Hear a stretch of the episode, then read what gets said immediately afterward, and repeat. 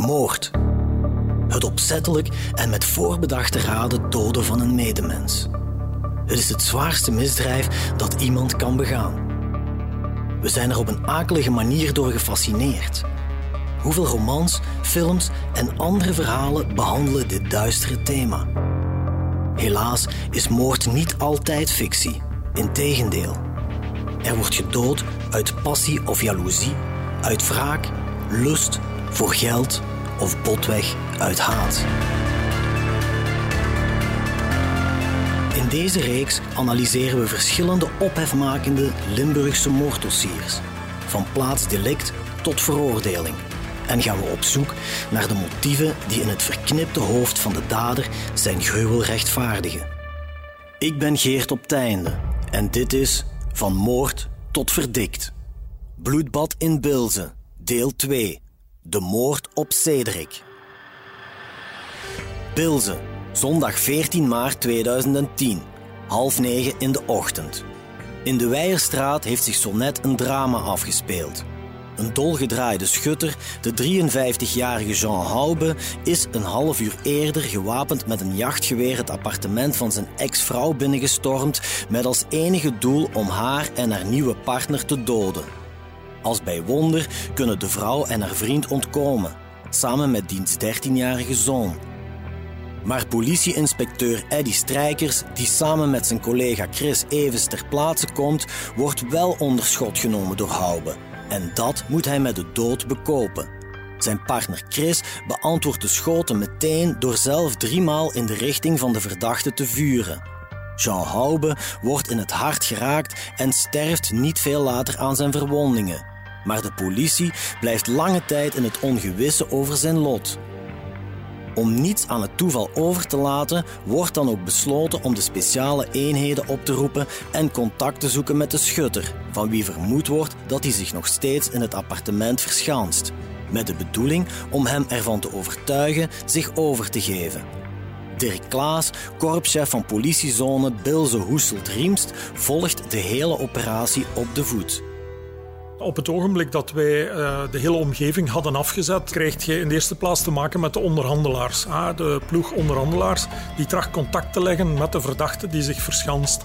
Nu, in eerste instantie, als er geen oogcontact kan zijn en, en fysiek contact via uh, een raam of een deur die open staat, dan wordt er getracht om te telefoneren. En dat was dan de reden om uh, ja, te gaan zoeken naar een, een telefoonnummer van die man.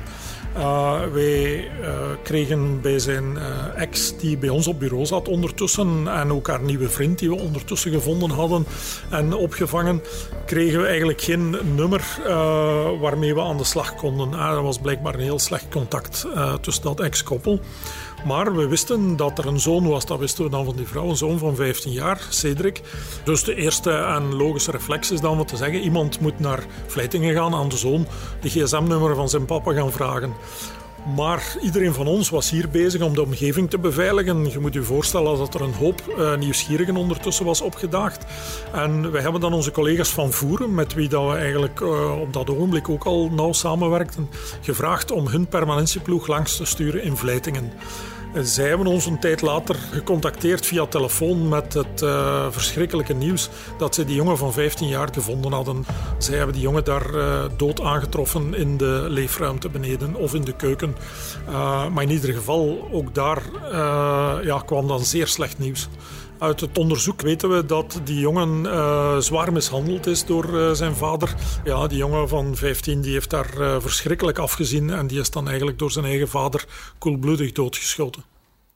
Eddy's collega Chris, die in de Weijerstraat het plotse overlijden van zijn partner te verwerken krijgt, wordt meteen op de hoogte gebracht van de dramatische vondst in Vleitingen.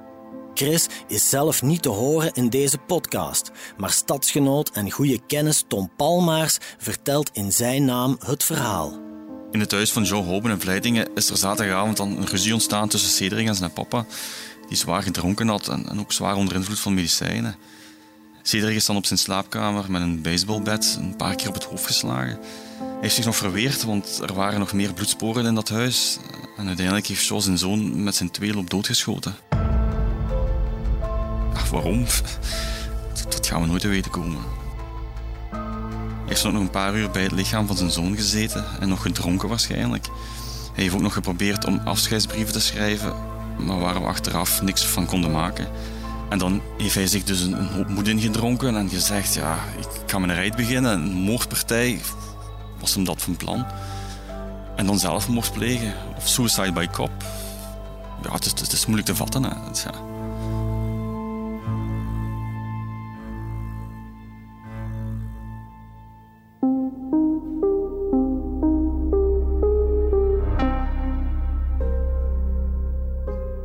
Ben Sander Mazen en ik uh, was de beste vriend van Cedric Houben. Cedric was een heel warm persoon. Ene die uh, altijd klaar was voor gezelligheid. Beetje soms de clown uithangen. Onverwachts, maar altijd wel grappig. Was altijd plezant. Uh, hij was een hele grote standaard voetbalfan. Dus die ging dan daar mee, die ging daar mee feesten. Dus was een warme, gezellige persoon. Was altijd fijn om mee in de buurt te zijn. Ik ben Ivo Schofs. Ik ben de klastitularis geweest van Cedric Houben. Cedric was iemand wat eigenlijk heel bescheiden was. Uh, in het begin dat hij op school was, had hij heel weinig vrienden. was een heel leuk, aangename jong en hij wou eigenlijk met de groep horen. En in het begin is er dan heel veel bij mij gekomen. Ik had wel een goede band. Eigenlijk was hij een goede vriend van mij op, op zeer jonge leeftijd. Ja. Ik had er een hele goede babbel mee. En uh, ja, het meest wat ons bond op dat moment was eigenlijk de voetbal. Hij was dan een trouwe supporter van Standaard, ik van Genk en van Sint-Truiden. Alle kleuren, buitenkant in het huis, binnen. Zelfs de tuin en de vissen en de, in, in, in de vijver waren wit en rood. Het was, ja, het was alles alle standaard. En dat gaf zo'n klein beetje ja, een speciale band. En hij wou wel te flap uit zijn in de klas. Heel een hele fijne, plezierige jongen. Cedric Houw bevolgde beroepsonderwijs in het Technisch Instituut Sint-Jozef in Bilzen en zat samen met Sander in dezelfde klas. Ze waren twee handen op één buik en konden over alles met elkaar praten. Ook de scheiding van Cedric's ouders enkele jaren eerder was een terugkerend thema. De breuk was immers niet makkelijk geweest voor de 15-jarige jongen, die enig kind was. Thuis in Bilze, bij zijn moeder en haar nieuwe vriend, ging het eigenlijk wel goed. Maar om de kerk in het midden te houden, verbleef Cedric in de weekends ook geregeld bij zijn vader Jean, die een huis had in Vleitingen-Riemst. Dat die relatie niet goed zat, daar was Sander van op de hoogte. Maar als hij Cedric daarover aansprak, dan klapte die dicht, vertelt hij. Je merkte dat dat een gevoelig. Uh, een, dat hem daar niet, niet zo graag over sprak bij zijn ma zelf op het appartement waar uh, de politieman is neergeschoten. Ben ik zelf ook een paar keer geweest, want dat was recht langs de school. Daar ging het allemaal goed over en daar vertelde hij ook over en al. Maar als het op zijn vader aankwam, dan kwam er zelden iets uit. Dan, dan sloeg hem ineen. Dat vertelde hij liever niet. Ook al boterde het niet altijd goed tussen Cedric en zijn vader, toch had niemand durven vermoeden dat Jean Haube zijn zoon iets zou aandoen. Sander en klasleraar Ivo zijn dan ook geschokt wanneer ze vernemen wat Cedric precies is overkomen. Op vrijdag denk ik dat ik uh, Cedric nog gezien heb. En op zondag ging ik toen in die tijd altijd in de voormiddag winkelen en bilzen. En uh, kwam ik langs de, langs de post, zal ik zeggen, in Bilzen. En ik zag dat de straat afgezet was. Ik denk, dat is wel raar, dat is bij de school. En dan heb ik mijn auto ergens geparkeerd. Dan ben ik de voet afgewandeld en er was een, was een deel volk waar stond, er stond er te wachten aan, aan het appartement. Iets van de politie en ik wist niet waar. Maar ik wist wel dat Cedric en zijn mama daar woonden. Op een bepaald moment heb ik daar zitten te babbelen. En dan zeiden dat ze ook nog een jong overleden of ja, doodgeschoten. En dan is mijn belletje beginnen te rinkelen. De lang laatst kwam dan de naam uit van, van Cedric. Ja, dat, dat, dat was onwerkelijk. En zelfs een collega wat ook les gaf met, een, met uh, stond er ook te wachten. En dan heb ik ook gehoord dat er in verleidingen gebeurd was met de papa. Ruzie, of ik weet niet wat aan de hand geweest is. Ah, dat was een... Ja, wat is daar eigenlijk gebeurd? Ja, ongeloof. En ook het verdriet van, van de mama, maar zeker van de grootouders. Ja, die waren een kleinkind kwijt. Dat was een god. Ja, die, waren, die hadden maar één kleinkind. En daar stopt het hele verhaal. En ook de jongen van 15 jaar, heel leven voor hem valt weg. Ik herinner mij het moment zelf nog heel goed. Was, uh, we waren aan het eten, VTM nu stond op.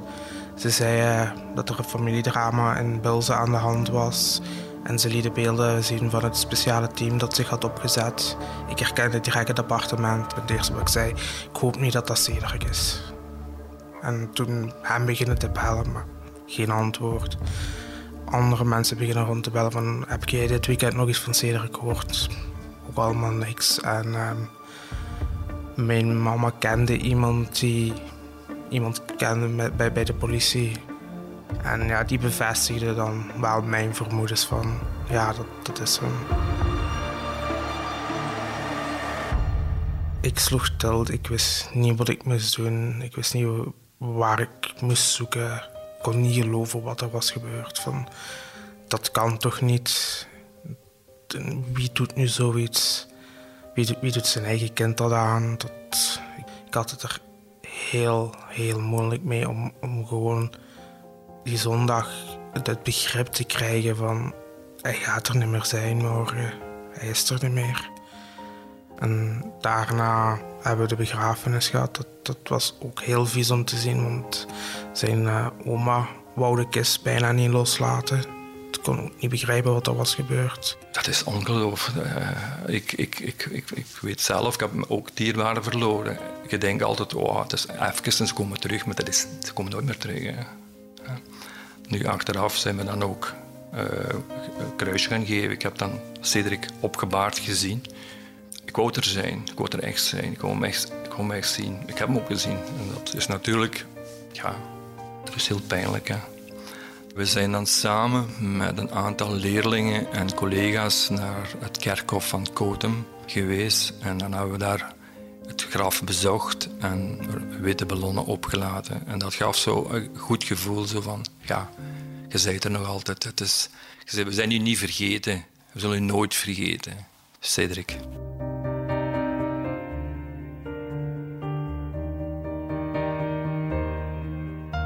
Hoe verwerk je de dood van je beste vriend? En hoe doe je dat wanneer je echtgenoot of vader wegvalt? Zeer moeizaam, zo blijkt. En zeker wanneer je geen afscheid hebt kunnen nemen, vertellen Eddy's echtgenote Jenny en zoon Erwin Strijkers. Komt het ziekenhuis aan, ja, op spoed. Dan wilt je hem toch zien en je wilt niet. Dat was zo trekken en duwen bij, bij mij van binnen. En de ene keer ben ik rechtgesprongen en ik heb gezegd, kom, we gaan kijken. En toen zijn we gaan zien. Maar ik mocht niet aan hem komen. Dat vond ik ook weer zoiets van... Waarom niet? Hè? Hij lag opgebaard en toen heb ik op zijn voorhoofd toch nog een kus mogen geven. En dat is al wat ik afscheid heb kunnen nemen van hem. Ja, iedereen is zo echt in zijn eigen bubbel, zou ik zo zeggen. Het gaan beginnen te verwerken. Dus uh, ja, dat was, de, het gezin was ineens uit elkaar, moet ik ook wel zeggen. Ja. Het was echt ieder voor zich, op zijn manier het verwerken, op zijn dingen. Want we hadden zelfs niet echt de, goede hulp voor rouwproces. Uh, nee. We zijn gewoon in plaats van naar elkaar gegroeid, uit elkaar gegroeid. We hebben nooit kunnen praten met elkaar over Adi. Nooit. Nu nog niet. Ik wou hun niet kwetsen. Ik wou hun niet meer pijn doen. Als ik over hun papa zou praten, dan uh, had ik het zo van: ik wil u niet pijn doen. Omgekeerd hadden zij misschien ook dat gevoel, ik weet het niet. Ik heb het nooit gevraagd. Nooit. Want nu, nu kan ik het nog niet. Af en toe zal ik wel eens zeggen, ja, ik mis hem. Maar verder gaat het niet. Ik dacht dat ik het had verwerkt, eerlijk gezegd. Hè. Dus uh, eigenlijk twee jaar, anderhalf, twee jaar geleden is een voorval met mij op het werk ook gebeurd. Wat bij mij de wonden terug heeft opengezet en eigenlijk besef van eigenlijk, ik heb het totaal niet verwerkt. Ik heb het gewoon opzij gelegd. Maar uh, eigenlijk totaal niet verwacht. Want ik dacht, ja, door te praten en zo, het erover te praten, dan dat ging en dat helpt. Maar eigenlijk niet. Het zit er nog altijd bij mij. Ook voor Sander Mazen verloopt de verwerking van de dood van zijn goede vriend Cedric uiterst moeizaam. Niet alleen is hij zijn beste maatje kwijt, er is nog iets anders dat jarenlang aan Sander blijft knagen. Er is heel lang een heel groot schuldgevoel geweest van had ik niet meer kunnen doen. We wisten dat zijn, zijn pa gek was op wapens. En ja, ik had echt het gevoel van waarom ben ik niet naar de politie gegaan? Waarom heb ik dit niet tegengehouden? Maar je staat er niet bij stil dat er zoiets zou gebeuren. En ja, wij waren 14, 15 te jong om, om het volledig te kunnen begrijpen. Als ik het nu zou horen op mijn leeftijd, zou ik echt zoiets hebben van we moeten daarmee naar de politie gaan, want dit is gevaarlijk. Maar toen, hij is nooit gezegd van geklaagd om naar zijn vader of zo te gaan. Nooit tekenen van angst getoond, niks. En dan ineens. We zullen ook nooit weten waarom, wat, wat er is gebeurd, waarom die man zo gesnapt is en hem zo heeft toegetakeld. We weten dat hij heeft teruggevochten, maar we weten niet waarom. Dat is ergens jammer dat die man doodgebloed is. Gewoon om die vraag waarom te kunnen beantwoorden. Want wij blijven achter met die vraag. Zijn mama blijft achter met die vraag. Zijn grootouders die waren ook heel erg met hem. Die blijven achter met die vraag. En ergens ben ik blij dat die man doodgebloed is. Want die verdient niet beter in mijn ogen. Dat is grof om te zeggen, maar ik vind dat als jij zoiets doet, dan uh, dat is ja, zo iemand hoort niet bij ons in de maatschappij. Sander moet wel gelijk hebben. Voor iemand die koelbloedig zijn eigen zoon vermoordt en dan ook nog eens zonder verpinken een politieman dood, is er geen plaats in onze samenleving.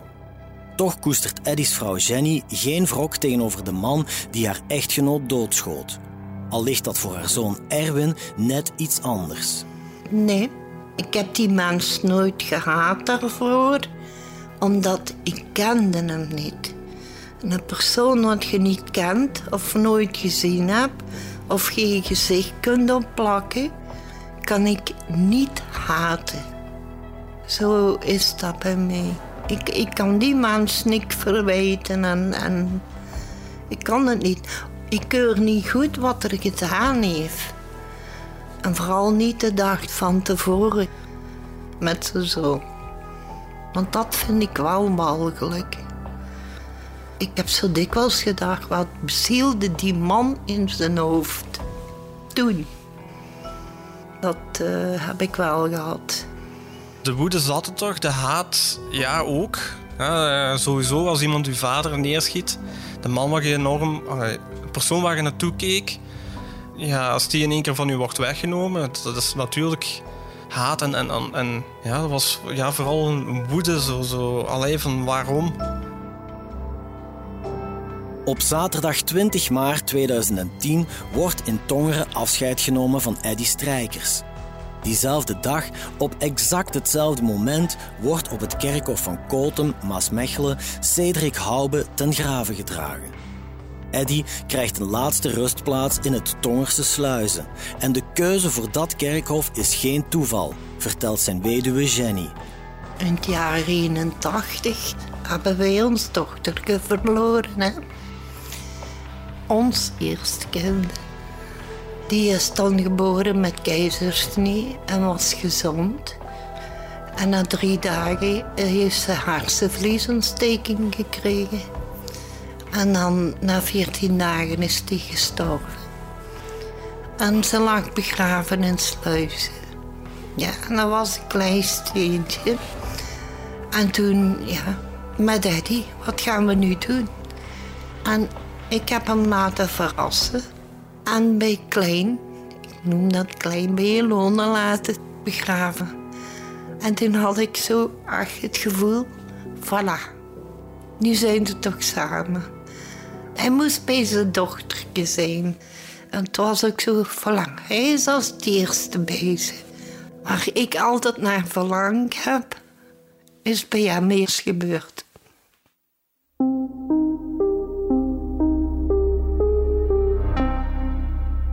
Het is intussen elf jaar geleden dat de trieste feiten in Bilze en Vlijtingen zich hebben afgespeeld. Maar Eddy Strijkers en Cedric Hoube zijn nog lang niet vergeten. In het politiecommissariaat van Bilze is Eddy zelfs nog heel aanwezig, zo vertelt korpschef Dirk Klaas. Ik heb, uh, u ziet dat hier in mijn kantoor, ik heb achter mij een foto van Eddy staan met een rouwbandje op. Ja, dat is ook iets wat je, wat je telkens opnieuw bewust meemaakt van dat is een collega die nooit teruggekomen is van een opdracht.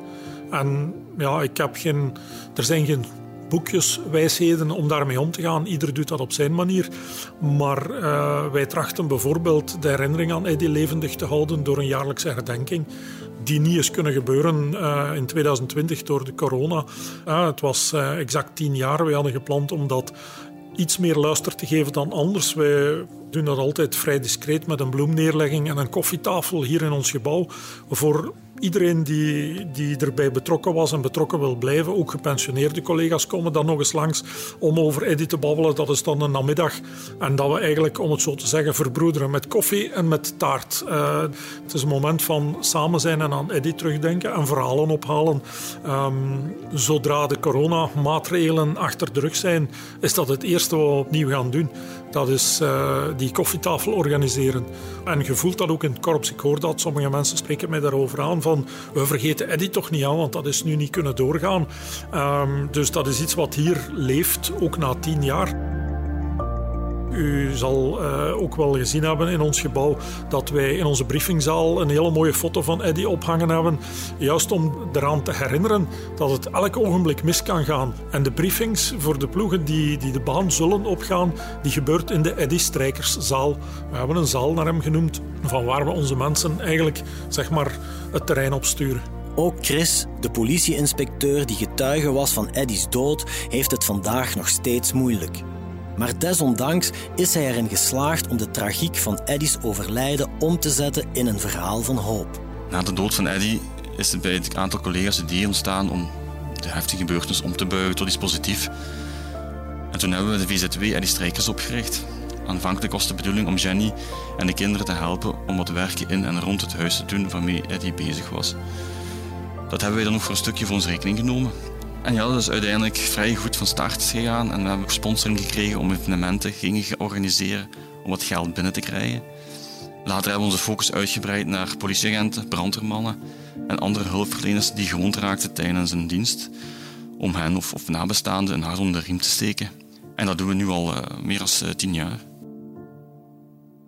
Jenny probeert haar leven ook verder te zetten, zo goed en kwaad het kan.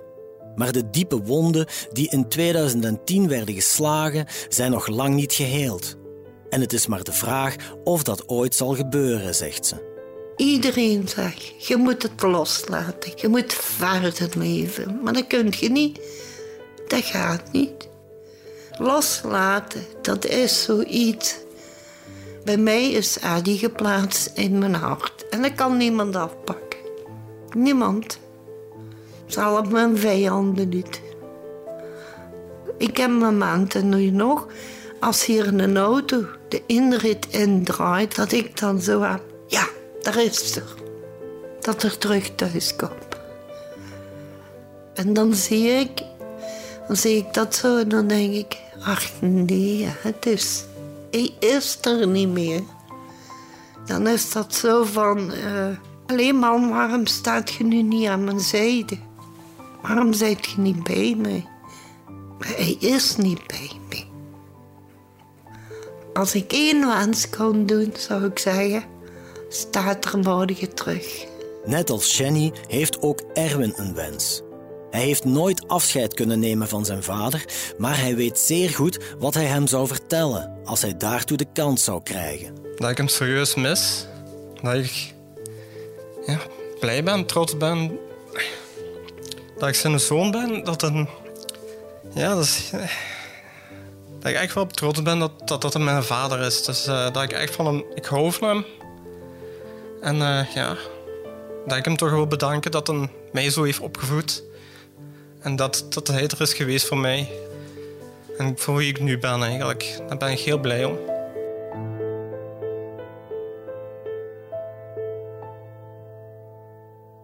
Het gemis moet inderdaad immens zijn. Daar kunnen ook Cedric's beste vriend Sander Mazen en zijn leraar Ivo Schoefs jammer genoeg van meespreken. Ivo draagt het bitprentje van Cedric nog steeds bij zich en regelmatig haalt hij het boven om het te tonen aan zijn leerlingen. Als ik uh, de jongens in de klas zitten heb en het gaat dan geregeld over, ik zeg nu bijvoorbeeld, de kinderen kunnen heel hard zijn tegen elkaar, of verpesten of pijn doen of ik weet niet wat. Als ik dit bovenhaal, dat plantje, hè, is het heel stil. Ja, ik wil alleen maar zeggen, wees lief voor elkaar en probeer dat ook. En dan zijn ze stil als ik dat bovenhaal. Ik heb het heel moeilijk gehad met mijn rouwproces en ik heb dat proberen in mijn eentje te, te verwerken. Dus ik heb inwendig heel veel gestreden gehad en heel lang mijn eigen verweten gehad van ik heb niet genoeg gedaan. En ehm, een jaar later heb ik uh, zelf iets, iets dom gedaan en ben ik in een psychiatrische afdeling beland. En uh, per toeval ben ik zijn stiefvader daar tegengekomen. Die zag, wist ook niet meer wat hij moest doen, dus die had ook problemen gekregen. En we zijn daar aan de praat geraakt. En uh, daar heb ik, wat ik nu ook mee heb, die ring van hem gekregen. Want Cedric terug altijd ringen. En tot twee, drie jaar geleden, toen is het koortje ongeveer stuk gegaan, heb ik dat nooit uitgedaan gehad. Wat ik ook deed, was altijd dicht bij mijn hart. Te ringen en, en een arend voor, voor vrijheid zat daarbij. Ik had altijd het gevoel dat hij neerkeek en mij hielp.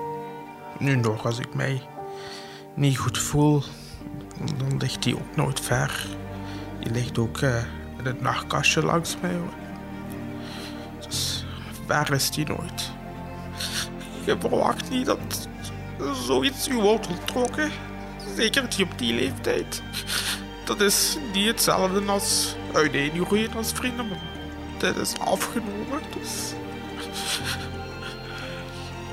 Geen fatsoenlijk afscheid. Dat ligt zwaar, dat ligt moeilijk. Komt dat wel terug boven? Het is moeilijk, maar het doet goed om daarover te kunnen praten.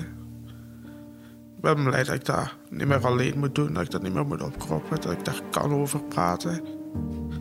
En uh, dat ik mijn eigen ook gewoon soort van vergeven heb.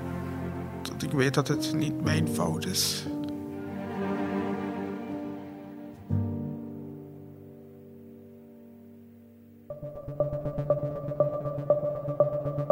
Luisterde naar Van Moord tot Verdikt, een true crime reeks van HBVL Podcast. Samenstelling door Geert op Teinde, Nancy van de Broek, Philippe Perges en coördinator Cato Poelmans. Montage en audioproductie door Wart Houbrechts. Chef podcast is Geert Nies. Reageren? Dat kan via podcast@hetbelangvanlimburg.be.